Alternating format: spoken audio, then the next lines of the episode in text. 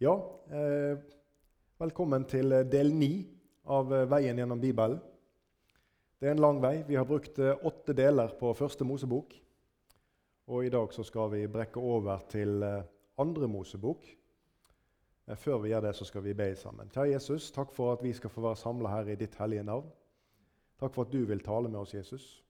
Vi ber her om at du må la disse dine egne ord få bolig i vår hjerter.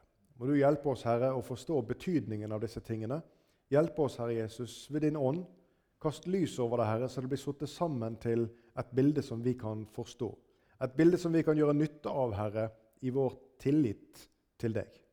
Jeg ber om det, Jesus. Velsign stunder for oss i ditt navn. Amen. Litt prolog.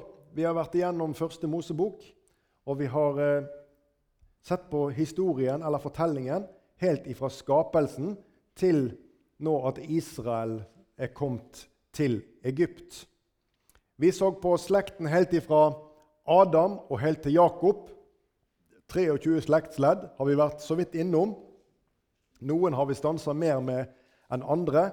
Vi har sett på skapelsen og på syndefallet. Og vi har eh, hatt en egen del som handler om Noah og flommen. Og så har vi hatt en del som handler om slekten etter Noah, Noahs sønner. Og Vi skal stoppe bitte litt, repetere bitte litt i forhold til det. Fra første Mosebok 9, og så vers 18 og 19. Noahs sønner som gikk ut av arken, var Sem, Kam og Jafet. Og Kam var far til Kanan. Disse tre var Noahs sønner, og fra dem bredte menneskene seg ut over hele jorden.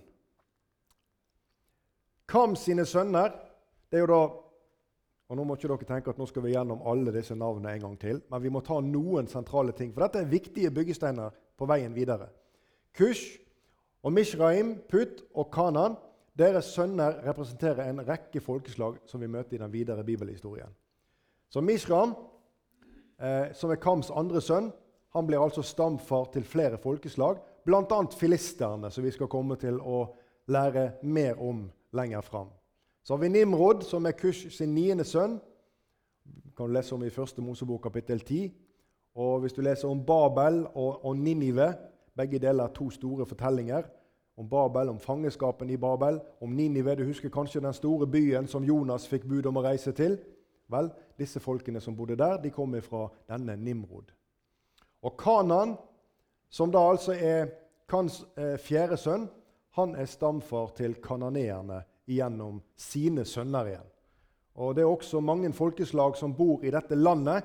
som Forrige del vi var innom, så reiste Jakob med hele sin slekt fra Kanan til Egypt, for der var Josef.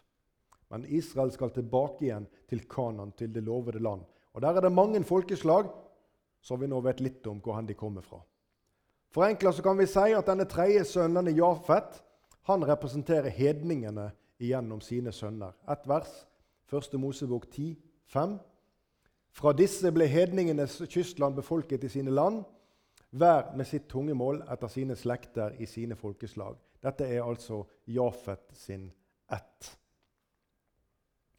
Sems sønner de møter vi på, og de har vi vært igjennom en del nå i den slektslinja vi har vært igjennom frem til Jakob og de tolv sønnene. Og Det er ni slektsledd fra Adam og til Sem. Og så husker du kanskje eh, om forlatelse fra Sem til Abraham. om forlatelse. Eh, og så husker du kanskje Abrahams sønn Isak, løftesønnen, som det menneskelig sett var helt umulig skulle bli til, men som Gud gjorde ved et under. Så kom Isak, Gud oppfylte sitt løfte til Abraham, og så fødte Sarai Isak. Seinere så leser vi om Abrahams tjener Elieser som reiste ut for å finne en hustru til denne gutten, til denne unge mannen som han var blitt, Isak. Også den delen har vi stansa med her tidligere. Og Så får Isak sønner. Vi husker fortellingen om eh, Jakob og Esau. Og så er det spesielt da slekten etter Jakob. Og vi har brukt eh, tre hele bibeltimer på å snakke om slekten etter Jakob. Den siste delen den hadde vi for oss. Det er Josef og brødrene. Vi har lært om brødrene til Josef som bodde hjemme etter at de hadde forrådt Josef. Dvs. Si de hadde solgt han som slave til Egypt. Og Josef gjennom først slaveri, dernest fengsel, og så er han nå blitt opphøya til en høy stilling hos farao som statsminister i Egypt fordi at han var til stede og kunne tyde en drøm for farao. Det var Gud som la disse tingene til rette. Og Så lærte vi om at disse brødrene og deres far Jakob reiste fra Kanaan og til eh, Egypt for å bosette seg der pga. hungersdøden som var så stor. Og Der er altså Josef, deres bror, Jakobs sønn, og han tar imot dem, og han gir dem et godt sted å leve. Og Der stanser vi fortellingen i siste del, som var del åtte. Livet her i det området som de lever, disse tolv sønnene med deres familier og Jakob, 70 mennesker i tallet. Vi skal lese her 2. Mosebok kapittel 1 og vers 1-5. Dette er navnene på Israels sønner som kom til Egypt. De kom sammen med Jakob, hver med sitt hus. Ruben, Simeon, Levi og Juda. Isakar, Sebulon og Benjamin. Dan og Naftali. Gad og Asjer. De som stammet fra Jakob, var i alt 70 sjeler. Josef var allerede i Egypt. Og Så leser vi da hvordan dette var med hvor henne de bosatte seg, i 1. Mosebok kapittel 47 og vers 11. At Josef lot sin far og sine brødre bosette seg og gav dem eiendom i Egypt, i den beste delen av landet, i landet Ramses, slik farao hadde pålagt ham. Og Det er det området som vi leser om i Bibelen, som heter Gosen. Her bodde disse folkene. Og Nå skal vi ta for oss det som skjer med Israel mens de er i Egypt. Og det er egentlig Denne del 9 den handler om nettopp dette. Israel i Egypt. For de forandrer status fra å komme hit til Josef, til å få bosette seg i Gosen, den beste delen av landet, til å bli underholdt av Josef og ha alt det de trenger. Så skal vi lese hva som skjer videre med slekten. 2. Mosebok kapittel 1 og vers 6-14. Så døde Josef og alle hans brødre og hele dette slektsleddet. Men Israels barn var fruktbare og tiltok sterkt. De økte og ble meget tallrike. Det ble fullt av dem i landet. Da kom det en ny konge over Egypt, og han kjente ikke til Josef. Han sa til sitt folk.: Se, israelittenes folk er større og mer tallrike enn vi. La oss nå gå klokt til verks mot dem, så de ikke blir enda mer tallrike. For om det blir krig, vil de kanskje slå seg i lag med fienden vår og stride mot oss og dra ut fra landet. La oss nå gå klokt til verks mot dem, så de ikke blir enda mer tallrike. For om det blir krig, vil de kanskje slå seg i lag, leste vi, med våre fiender og stride mot oss og dra ut fra landet. Så satte de slavefogder over dem for å plage dem med tvangsarbeid. De måtte bygge for farao to forrådsbyer, Pittom og Ramses. Men jo mer de plaget dem, dess flere ble de, og dess mer bredte de seg ut, så egypterne begynte å grue seg for Israels barn. Egypterne tvang Israels barn til å trelle for seg. De forbitret livet for dem med hardt arbeid i leire og tegl og med all slags arbeid ute på markene. Alt det slavearbeidet som de tvang dem til å gjøre. Du merker det kanskje situasjonsforandringen, fortellingen fra Josef, det gledelige gjensynet. Josef som redningsmann, ikke bare for sine brødre og, og sin fars hus, men også for sitt folk og for Egypt. Men nå leser vi en situasjonsforandring. Josef og hele dette slektsleddet er dødd ut. Det kom til en ny farao, en som ikke kjente til Josef. Og fra vers 9 som vi leste, og frem til nå vers 14, så har Israel fått forandret status fra å være gjester og bli underholdt i Egypten til å bli slaver. Og så tenker vi kan det bli verre? Kan det bli verre å måtte endre status fra å være gjest til å bli slave i det landet hvor en er gjest? Ja, det kan bli verre. Andre Mosebok 1 vers 22. Da ga farao hele sitt folk dette påbudet. Hver sønn som blir født hos Israel, skal dere kaste i Nilen, men døtrene skal dere la leve. Ikke bare slaveri og trange kår, ikke bare slit og slep, men også barnemord. Også et påbud om at alle fødte guttebarn skulle drepes for å hindre dette folkets utbredelse i Egypt. En kan knapt forestille seg klageropet ifra Israels barns hjerter. Og midt i alt dette, midt i fangenskapet og midt i slaveriet, så fødes det mange guttebarn. Og mange guttebarn blir kastet i Nilen. Men det er også en gutt som blir født i midt i alt dette som vi skal lese om i 2. Mosebok 2 og vers 1. Det var en mann av Levis ett som gikk bort og tok en Levis datter til ekte. Vi leser noen vers her. Kvinnen ble med barn og fødte en sønn. Da hun så at han var så fagert et barn, skjulte hun ham i tre måneder. Og da hun ikke lenger kunne holde ham skjult, tok hun en kiste av papyrusrør til ham og smurte den over med jordbek og tjære. Så la hun gutten i kisten og satte den i sivet ved elvebredden. Denne fortellingen har mange av oss hørt på søndagsskolen. Om den vesle gutten som ble født, og om hans mor som la han i denne kurven og lot han flyte ut på Nilen. Moses sin søster kan vi lese om videre i den fortellingen. Hun står litt bortenfor og ser på når hennes mor setter denne kurv, denne lille papyrusbåten, en redskap som er dømt til å bli ødelagt, med den lille babygutten som hun har sett vokse opp der hjemme i de siste tre månedene. Med mors kjærlighet, med fars kjærlighet og søskens kjærlighet ser denne vesle båten flyte ut på Nilen. Der er det ingen håp. Der er det bare krokodiller og undergang. For en situasjon. Og ikke den eneste av alle disse barna som var blitt ofre under dette forferdelige påbudet. Men mens Moses' søster står og ser på, så er det slik at faraos datter er gått ned til Nilen for å bade. Og Hun får øye på denne vesle båten, og så beordrer hun en av sine slavepiker til å gå ut for å hente den. Så leser vi vers 6 der i 2. Mosebok 2. Da hun åpnet kisten, fikk hun se barnet, og se, det var en liten gutt som lå der og gråt. Hun kjente medynk med gutten og sa, 'Det er et av hebreernes barn'. Dette er vårt første møte med Moses. Og Mange av oss eh, kjenner jo fortellingen av, om Moses og hvordan hans liv utarter seg til å bli. Men dette er det første møtet med denne veldige skikkelsen som vi leser om i Mosebøkene, som gjorde store og mektige gjerninger for Herren. Som har skrevet en hel del av salmene som vi finner i Salmenes bok. Det er den vesle gutten som ligger i denne papyrusbåten og gråt. i armene til faraos datter.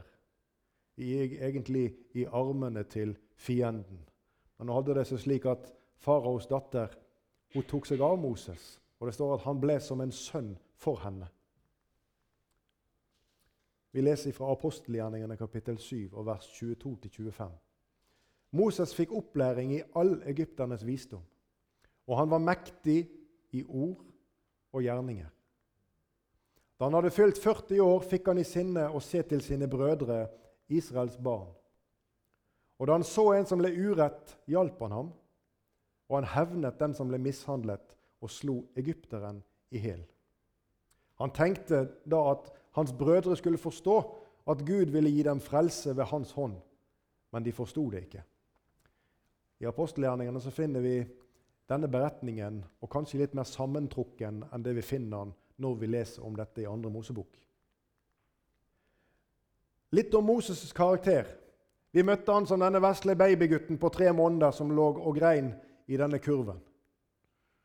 Og Så blir han tatt inn til faraos hoff, til faraos datter, som en sønn for henne. Og så blir Moses skolert. Han får opplæring i all egyptisk visdom. Og vi skal ikke være kjempeflinke i kulturhistorie for å vite at Egypt var langt, langt fremme på veldig mange områder. Fremdeles undrer vi oss over mange av de byggverk som de satte opp, og hvordan de fikk det til. Vi leser om Moses som en mann som var mektig i ord og i gjerninger. Moses han mangla ikke ord med all den kunnskap han hadde fått. Moses mangla ikke kunnskap til å kunne kommentere de ulike ting som kom opp. Og pga. hans posisjon så var han også mektig. Hans ord ble lagt merke til. Hans ord ble tatt til etterfølgelse. Moses er blitt en mektig mann i det som er fiendelandet Egypt. Og Så ser Moses til sine brødre. Moses han ser til Israels barn, og han ser den urett de lider. Han ser det står skrevet, deres slit og slep. Og Moses han har høye tanker om sin egen rolle. Moses han vet at han er en av disse. Han vet at det er hans brødre og søstre, Israels barn, som slaver under farao, under egypterne. Moses han vet at han er bror til disse, dette folket som lider slik. Og så ser Moses sin egen rolle.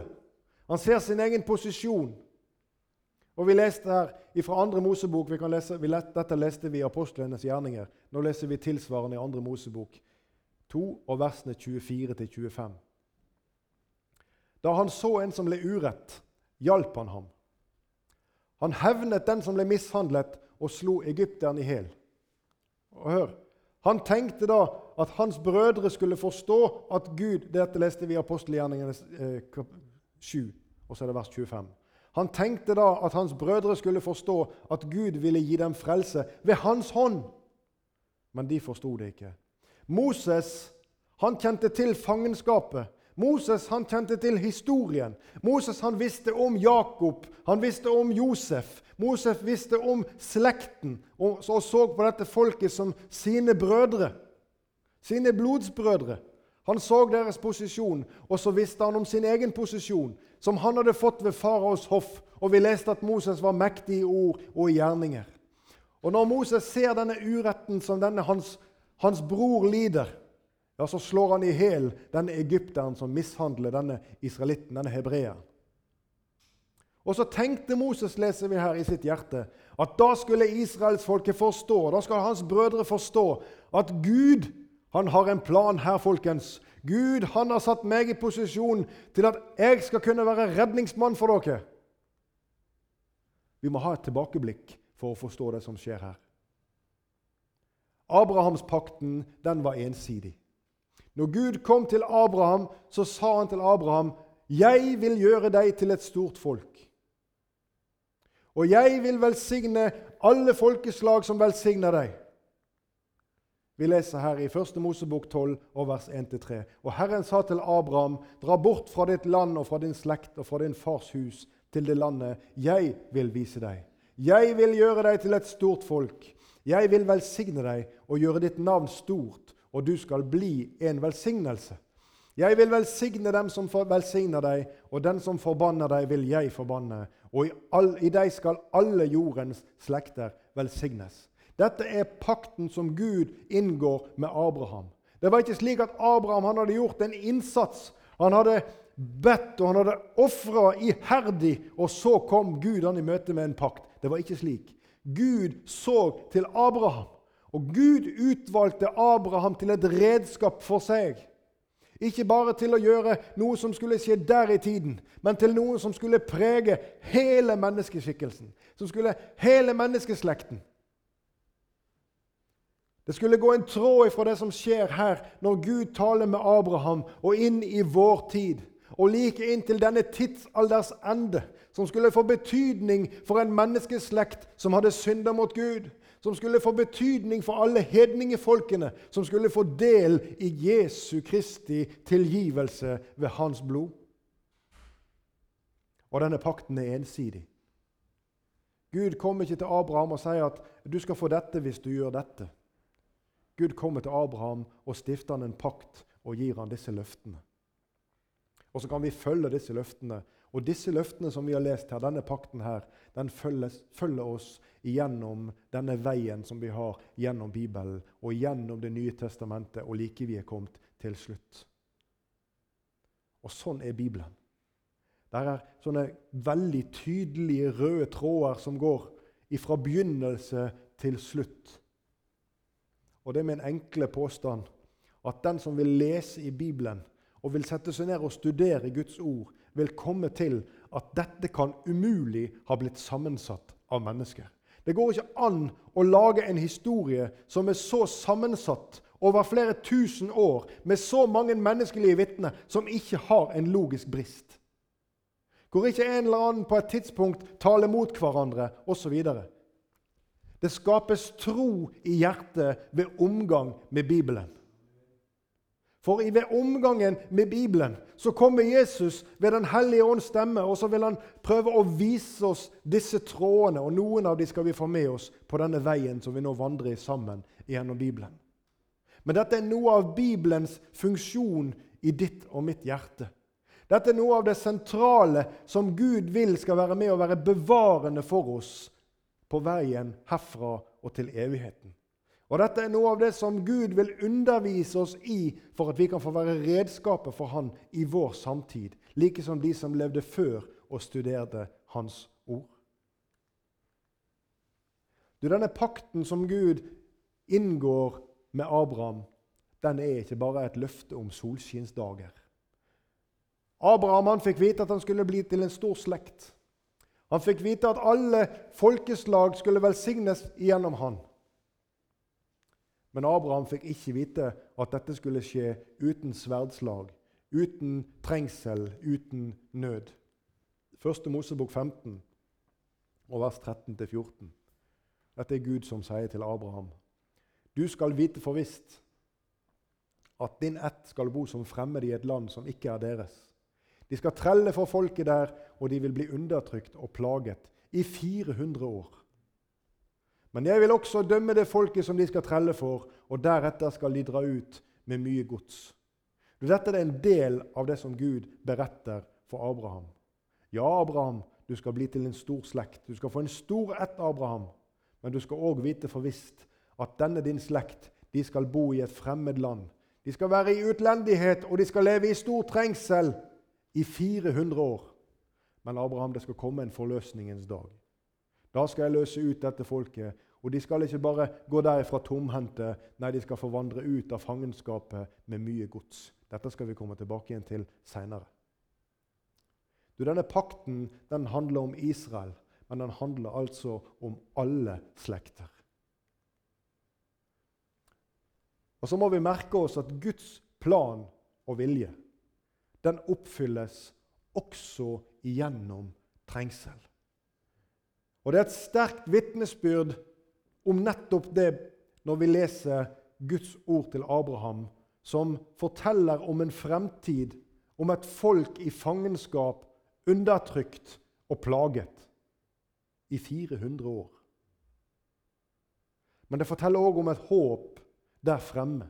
Om at Gud på ingen måte forlater underveis, men at på hans tidspunkt så skal det skje en forandring. Det skal skje en utfrielse. Du, Guds plan og vilje den, den oppfylles uavhengig av denne verdens sykluser. Vi skal tilbake igjen til Egypt. Og Her har vi israelsfolket som er i slaveri. Som er utsatt for urettferdighet. Vi leste om denne som ble mishandla, denne hebreeren som Moses kom og tok seg av idet han drepte denne egypteren som gjorde denne ugjerning. Vi leser om mishandlingen, og vi har lest om barnedrapet. Og så leser vi apostelgjerningene 7.23 på nytt igjen om Moses. Da han hadde fylt 40 år, fikk han i sinne å se til sine brødre, Israels barn. Jeg har noen ganger tenkt at det tok jammen lang tid, Moses, før du fikk oppmerksomheten retta mot den uretten som foregikk der ute. Du hadde det ganske bra, Moses, ifra denne papyrusbåten som du fløt i, til du på en måte bokstavelig talt fikk ei sølvskje i munnen der i faraos hoff. Til du fikk gå på de beste skolene med de beste lærerne og spise den beste maten og vokse opp i et bekymringsløst liv, mens dine brødre har levd i stor trengsel. Nå, Moses, nå er du 40 år. Og nå har du vokst såpass mye i ditt eget hjerte at nå kjenner du på din egen makt. Nå kjenner du Moses på din egen posisjon, at nå er tiden inne. Du kjenner historien, Moses, og nå tenker du at nå kan jeg få være det redskapet, og det skal de forstå når jeg går ut og griper inn i denne situasjonen. 2. Mosebok 2, eh, vers 11-15. På den tiden da Moses var blitt voksen, gikk han ut til sine brødre, og han så deres slit og slep. Han fikk se en egypter som slo en hebraisk mann, en av hans brødre. Neste dag gikk han ut igjen. Han så da to hebraiske menn som holdt på å slåss.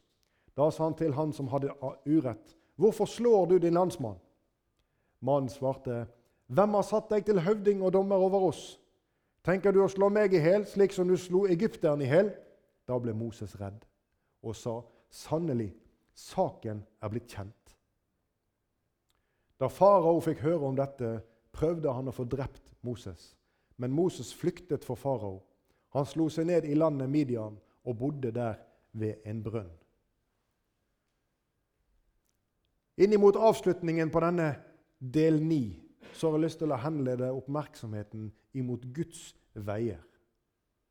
For Moses, som vi nå leste om i det siste verset her, som flykter for sitt liv, flykter ifra farao, bort ifra landet Egypt, bort ifra posisjonen sin, ribber for den makten som han hadde,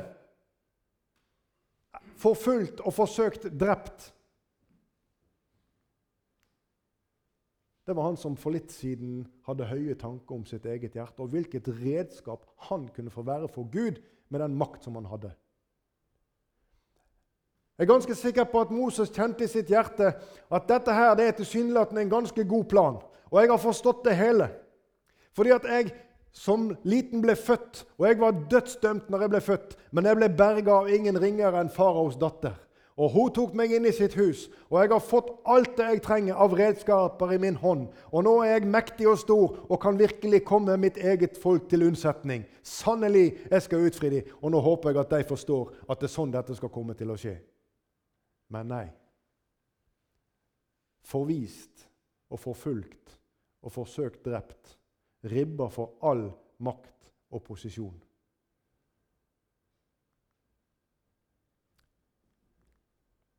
Men Guds veier, de er ikke våre veier. Vi kunne kanskje tenke, og kanskje Moses tenkte, at Gud, jeg trodde du hadde en plan. Jeg trodde jeg hadde grepet dette her, Gud. Jeg trodde jeg hadde forstått hvordan dette skulle bli. Og Nå forstår jeg ingenting, Gud, for nå har du tatt alt ifra meg. Hva tenker du, Gud? Hvem skal berge dette folket ditt nå? Hvordan skal profetiene kunne gå i oppfyllelse, Gud? Hvem skal komme dit til unnsetning? Der finnes jo ingen. Jesaja 55, 9. For som himmelen er høyere enn jorden, slik er mine veier høyere enn deres veier, og mine tanker høyere enn deres tanker. Du, Dette det gjaldt på Moses' tid, og dette det gjelder i dag. Når vi ikke kan forstå. Når vi er litt sånn som Moses og kjenner at vi har oppnådd det vi trengte for å kunne gjøre en spesiell gjerning, og så opplever vi at fundamentet under oss raser sammen. Og så står vi der igjen med et byggverk som bare er ruiner. Og så spør vi hva nå, Gud? Har du tenkt nå, Gud? Du, Når vi har gått igjennom og sett på slekten fra Abraham og via Isak og til Jakob, og når vi har sett på slekten fra Josef og brødrene hans og hva som foregikk i denne familien så er det vanskelig å forestille seg egentlig Guds veier også underveis i denne fortellingen. Vi som har svarene, vi som vet at Josef han ble opphøyet i Egypt til den posisjonen som han hadde. Vi vet hvordan det gikk. Men for Josef, som ble solgt av sine brødre i håpløshet Det står om, han at, om brødrene som sier, sier til seg sjøl når de er redd for Josef når de er kommet til Egypt, og når Jakob er død, at vi så hans sjeleangst når vi solgte han til disse her slavehandlerne som reiste forbi. Vi så hans sjelangst når han ba for sitt liv. Jeg er ganske sikker på at Josef i dette øyeblikk hadde ingen tanker om Guds vei videre, der dette slavefølget tok han med seg av gårde til et fremmed land. Jeg er ganske sikker på at Josef hadde ingen høye tanker om sin egen posisjon, fremstilt som slave til salgs på torget. Når han satte sine føtter for første gang i Potifars hus, og så fikk Josef oppleve at Gud var med ham. Og så tenkte kanskje Josef at nå ser det ut til å gå den rette veien, men nei. Så blir han uskyldig anklaget, og så blir han kasta i fengsel. Vi har vært igjennom denne fortellingen, og jeg skal, ikke, jeg skal ikke repetere den helt, men jeg prøver å fortelle til deg det er at disse menneskene som gjennomlevde disse tingene, i disse historiene vi har lest, de kjente ikke utgangen på historien. De kjente ikke utgangen slik du og jeg gjør som leser dette her i ettertid. Men Guds vei og vilje den var til stede gjennom all den lidelse og trengsel som hver og en av disse opplevde. Vi har lest om israelsfolket som gikk ifra å bli redda fra hungersnøden til å komme inn i Egypts lederskaps åpne armer gjennom Josef og få den beste delen av landet. Til at situasjonen forandrer seg til å være slaver. Ja, ikke bare slaver, men til å miste guttebarna sine. Og så er det denne Moses, denne redningsmannen, som er blitt berga som ved et under. Og så har vi sett han bli opphøya, og så blir han nedstøtt og fordrevet fra Egypt. Hvor henne er dine veier, Gud? i alt dette? Jo, Gud har en tråd gjennom alt dette som berører våre liv i dag, og som skal berøre slektene etter oss. Og denne tråden har ingen annen ende enn den den er knytt fast ved Faderens trode i himmelen. Dette er redningstråden, den røde redningstråden fra første Mosebok og like inn gjennom himmelens port. Det er det vi leser om her. Hvor er planen din, Gud? Du har kanskje noen ganger ropt det i ditt eget hjerte, kanskje høyt og kanskje som ingen andre kunne høre. Hvor er planen din, Gud? Alt ser ut til å mislykkes, Herr Gud.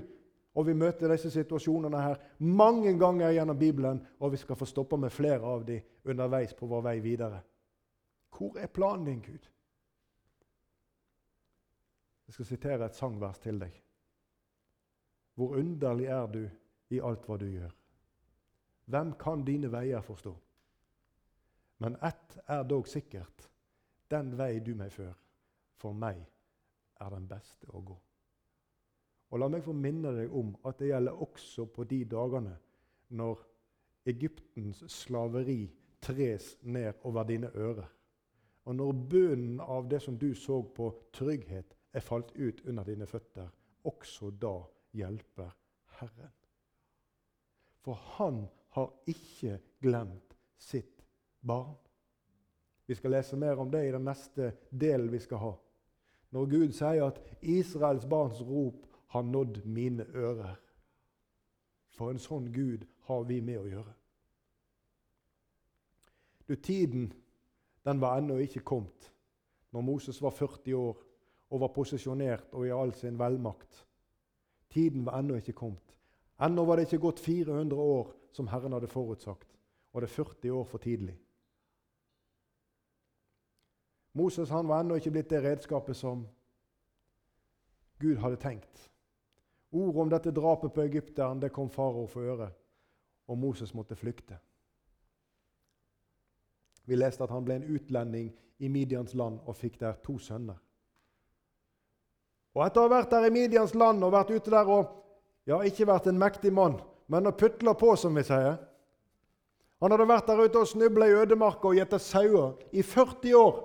Denne tidligere hoffmannen, for å si. Snakk om å få kontraster i livet.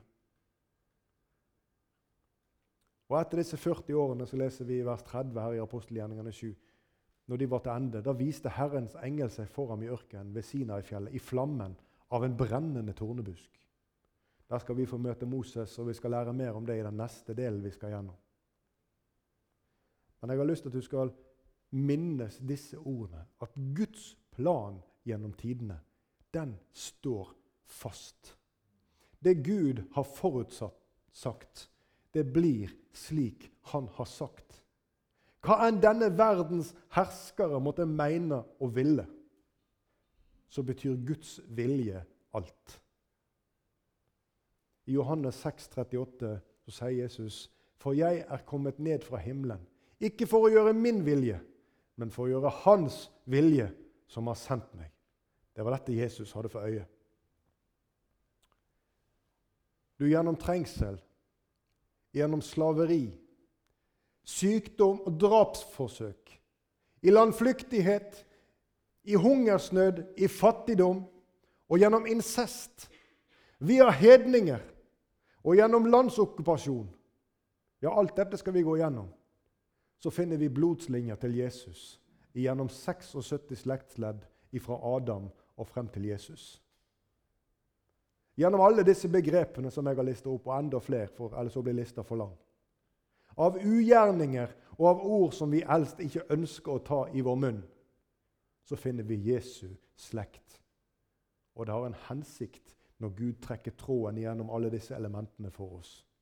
Det, det, jeg får si Et hovedelement i det, og det skal vi komme tilbake til, det er at vi har alle, uavhengig av stand og stilling, så har vi del i Jesus. Du, korset og grava, det så også ut som et nederlag. Denne som disiplene og som folket bare for noen dager siden hadde kasta palmegreiner ned for og ropt 'Hosianna, Davids sønn'. Nå hang han der og pusta ut, og hodet falt ned. Og så var Jesus død. Og Så plukker de han ned fra korset og så legger de han inn i en fremmed manns grav. Du, Det så ut som et nederlag, men det var ikke det. Det var den største seier ifra skapelsen. Og det var den største seier gjennom tiden.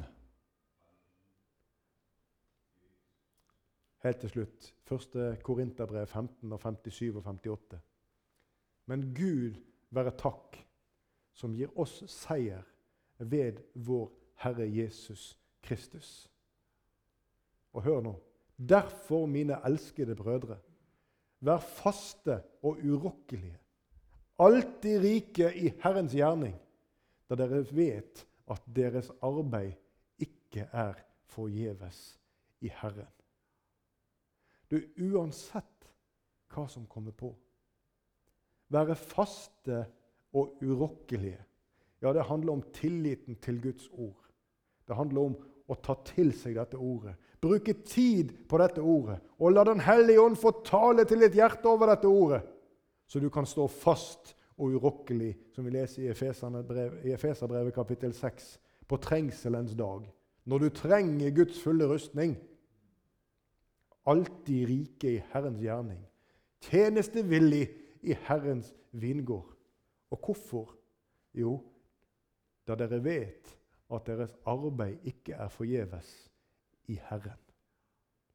Herrens verk skal fullføres, og Herrens vilje skal oppfylles, og Hans ord skal fullbyrdes.